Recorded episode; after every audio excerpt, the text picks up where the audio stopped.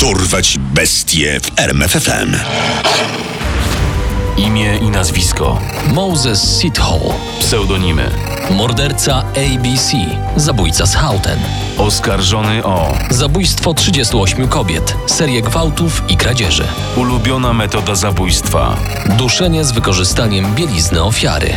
Obecnie przebywa W więzieniu w Bloemfontein, w RPA.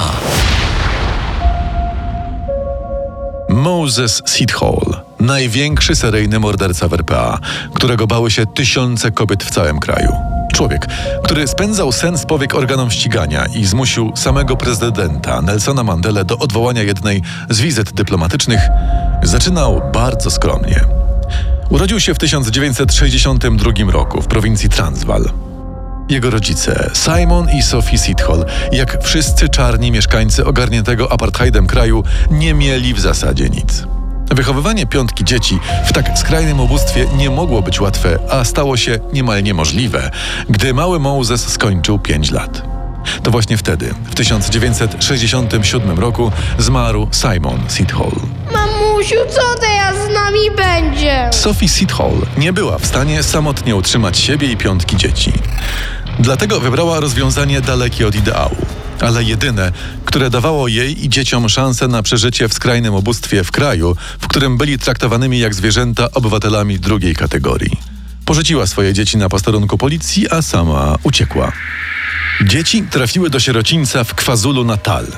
Z późniejszych opowieści Sithola wynika, że życie w sierocińcu nie było dla niego łatwe. Był wyszydzany, bity i, jak sam twierdził, wykorzystywany seksualnie. Dlatego nic dziwnego w tym, że gdy tylko nadarzyła się okazja, uciekł. Tuż po ucieczce swoje kroki skierował do miejsca, gdzie mieszkała matka.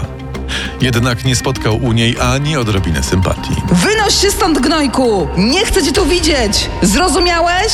Ale mamo, oni... Zamknij się! Nie interesuje mnie to! Masz stąd zniknąć! Natychmiast! Po odrzuceniu przez matkę wrócił na chwilę do sierocińca, ale nie zagrzał tam zbyt długo miejsca. Kilka miesięcy później jego starszy brat Patryk musiał opuścić sierociniec, bo z racji wieku nie przysługiwało mu już dłużej miejsce. Moses postanowił wykorzystać tę sytuację i uciekł, by zamieszkać razem z bratem. Niedługo potem znalazł sobie pracę w kopalni złota w Johannesburgu i wyprowadził się od brata. Już wtedy jego zachowanie mogło budzić niepokój. Psychologowie, badający go kilkanaście lat później po aresztowaniu, tak opisywali jego młodzieńcze lata. Sithol mimo bardzo młodego wieku był wręcz nadaktywny seksualnie. Jego związki z kobietami nie trwały długo. Bywał wobec nich agresywny. Prawdopodobnie dużą rolę odegrało tu poczucie opuszczenia przez matkę. Jeśli wierzyć też w jego opowieść, to sam był ofiarą gwałtu. Miałaby go zgwałcić jedna ze starszych dziewczyn z sierocińca. Nie wiadomo kiedy dokładnie Sid Hole przeszedł od bycia agresywnym furiatem do regularnego gwałcenia kobiet. Znamy natomiast jedną z pierwszych kobiet, które go oskarżyły. Była to 29-letnia Patricia Kumalo. Poznałam go jakoś we wrześniu. Był przystojny, miły i czarujący. Wydawał się całkiem inteligentny i obiecał, że pomoże mi w znalezieniu pracy. Opowiedział mi też o piekle, jakie przeżył w sierocińcu. A potem, potem zdarł ze mnie ubrania, ściągnął swoje spodnie i to zrobił. Patricia swoją historię opowiedziała policji niedługo po tym tragicznym dniu w 1987 roku, ale niestety organy ścigania niewiele z nią zrobiły. Na szczęście odwaga Patrici stała się inspiracją dla innych ofiar Sithola, których policja nie mogła w nieskończoność ignorować. Jedną z nich była Buisfa Doris Sfakamisa, którą Sithole zaatakował w lutym 1989 roku. Po jej zeznaniach wreszcie zidentyfikowano Sithola, aresztowano go i postawiono przed sądem. Niestety z powodu małej ilości zgromadzonych dowodów Sithole odpowiedział jedynie za gwałt na Sfakasimie. Przed sądem Moses uparcie utrzymywał, że jest niewinny. Wysoki sądzie, to skandaliczne pomówienia. Jestem niewinny. Nigdy nie widziałem tych kobiet na oczy. Wrabiają mnie. Musicie mnie wypuścić. Sąd nie przychylił się jednak do apelacji i próśb Sithola i skazał go na 6 lat pozbawienia wolności w więzieniu w Boksburgu. W więzieniu Moses Sithole zachowywał się nienagannie, dlatego wyszedł po czterech latach za dobre sprawowanie. Resocjalizacyjna moc zakładu karnego nie zdziałała jednak cudów na psychice Mosesa Sithola. Więzienie nauczyło go tylko jednego. Martwe kobiety nie donoszą na policję. Nie wiadomo dokładnie, jak szybko po wyjściu na wolność Sithole zaczął gwałcić i mordować, ale raczej nie zwlekał z tym długo.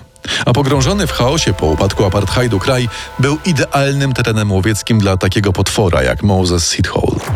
Pomiędzy styczniem a kwietniem 1995 roku w Atteridgeville na zachód od Pretorii znaleziono ciała czterech młodych kobiet. Wszystkie ofiary przed śmiercią zostały zgwałcone, a następnie uduszone swoją własną bielizną. Nie minęło dużo czasu, gdy reporterzy lokalnych gazet zaczęli dodawać dwa do dwóch. Słuchaj, y, kojarzysz te martwe kobiety, co to co chwilę się znajdują? No kojarzę, co z nimi? Wszystkie giną w ten sam sposób. Wszystkie są gwałcone przed śmiercią. Wszystkie znajdują się w okolicach Atteridgeville. Mówisz, że mamy seryjnego? To na co jeszcze czekasz? Pisz! Policja też nie była bezczynna. W Pretorii powołano specjalną jednostkę. Jej zadaniem miało być uchwycenie sprawcy tych brutalnych zbrodni. Nie było to łatwe zadanie, szczególnie, że początkowo część śledczych wątpiła nawet w to, czy mają do czynienia z seryjnym mordercą. Ja tam nie wiem, czy to faktycznie seryjny. Pismaki se napisały, a my teraz będziemy szukać. Wiatru w polu. Ty debil jesteś czy udajesz? Modus operandi wszędzie ten sam. Miejsca porzucenia zwłok koło siebie. Co tu ma być jak nie seryjny? Opady atmosferyczne martwych kobiet? Taki cwaniak? To popatrz na szczegóły. Każda duszona inaczej, zwłoki czasem zakopane, innym razem porzucone. Nie zgadza mi się to i tyle. Spór wśród śledczych rozstrzygnął się, gdy ustalili chronologię morderstw. Dla wszystkich stało się jasne, że sprawca zmienia sposób duszenia tak, by wywołać w ofierze jak największy i najdłuższy ból. Prawdopodobnie dla wywołania własnej seksualnej przyjemności. Miesiące mijały, a z nimi odnajdywały się kolejne ciała kobiet. Najpierw w Atteridgeville, potem w Boxburgu i wreszcie w Cleveland. To właśnie stamtąd pochodzi pseudonim morderca ABC. Atteridgeville, Boxburg, Cleveland. Pseudonim nadany sprawcy przez media. Jednak rosnący stos ciał nie przybliżał policjantów ani o krok do schwytania mordercy. Dlatego poprosili o pomoc eksperta, Roberta Resslera, emerytowanego agenta FBI, uważanego za twórcę zawodu profilera. Jego ustalenia były następujące. Jest inteligentny, zorganizowany, ma niezwykle wysoki pociąg seksualny. Ze zbrodni na zbrodnię staje się pewniejszy siebie. Uczy się. Być może ktoś mu pomaga. Przełom w sprawie nastąpił w październiku 95 roku. Przy dwóch ofiarach znaleziono dokumenty wskazujące na to, że obie panie otrzymały propozycję pracy od niejakiego Mosesa Sithola. Mimo, że jeszcze nie potrafili go zlokalizować, śledczy wiedzieli, że prawdopodobnie wreszcie mają sprawcę. 3 października znaleziono ciało kolejnej ofiary, Agnes Mbuli. Tego samego dnia Sithole zadzwonił do redakcji gazety The Star. Halo, The Star? To ja, wasz ukochany morderca A, B, C. To ja zabijałem te kobiety dookoła Pretorii. I wiecie co? Nie zamierzam przestać. Złapcie mnie, jeśli umiecie. Po telefonie znaleziono kolejne trzy ciała, a w obliczu oburzenia opinii publicznej policja została postawiona pod ścianą i wypuściła dane mordercy do mediów, ogłaszając jednocześnie wielką obławę. Nieco przerażony tym faktem, Sid Hole zaczął szukać pomocy u swojej rodziny. Ale w drodze do niej 18 października został przechwycony przez policjanta pod przykrywką. Nie weźmiesz mnie żywcem, psie! Nie dam ci się złapać! Nie, to nie. Policjant nie zabił mordercy, ale postrzelił go w nogę i w brzuch. Ranny Sid Hole został przewieziony do szpitala, zoperowany i przesłuchany przez detektywów, którym przyznał się do wszystkiego. Zapewnił również, że nigdy nie miał wspólnika, ale utrzymywał, że dorobił się mordercy naśladowcy. Twierdził także, że zaczął mordować, bo został niesprawiedliwie potraktowany przez system i skazany za gwałt, którego, jak twierdził, nie popełnił. Morderstwa miały być jego zemstą na kobietach i na policji. Z badań krwi przeprowadzonych przed operacją wynikało, że Sid Hole jest nosicielem wirusa HIV. Na proces w sprawie Mosesa Sithola, mordercy ABC, trzeba było czekać prawie rok. Na wyrok kolejny. Sędzia ogłaszając go nie krył obrzydzenia dokonaniami Sithola. Sąd uznaje podejrzanego Mosesa Sithola winnym 38 morderstw, 40 gwałtów i 6 kradzieży.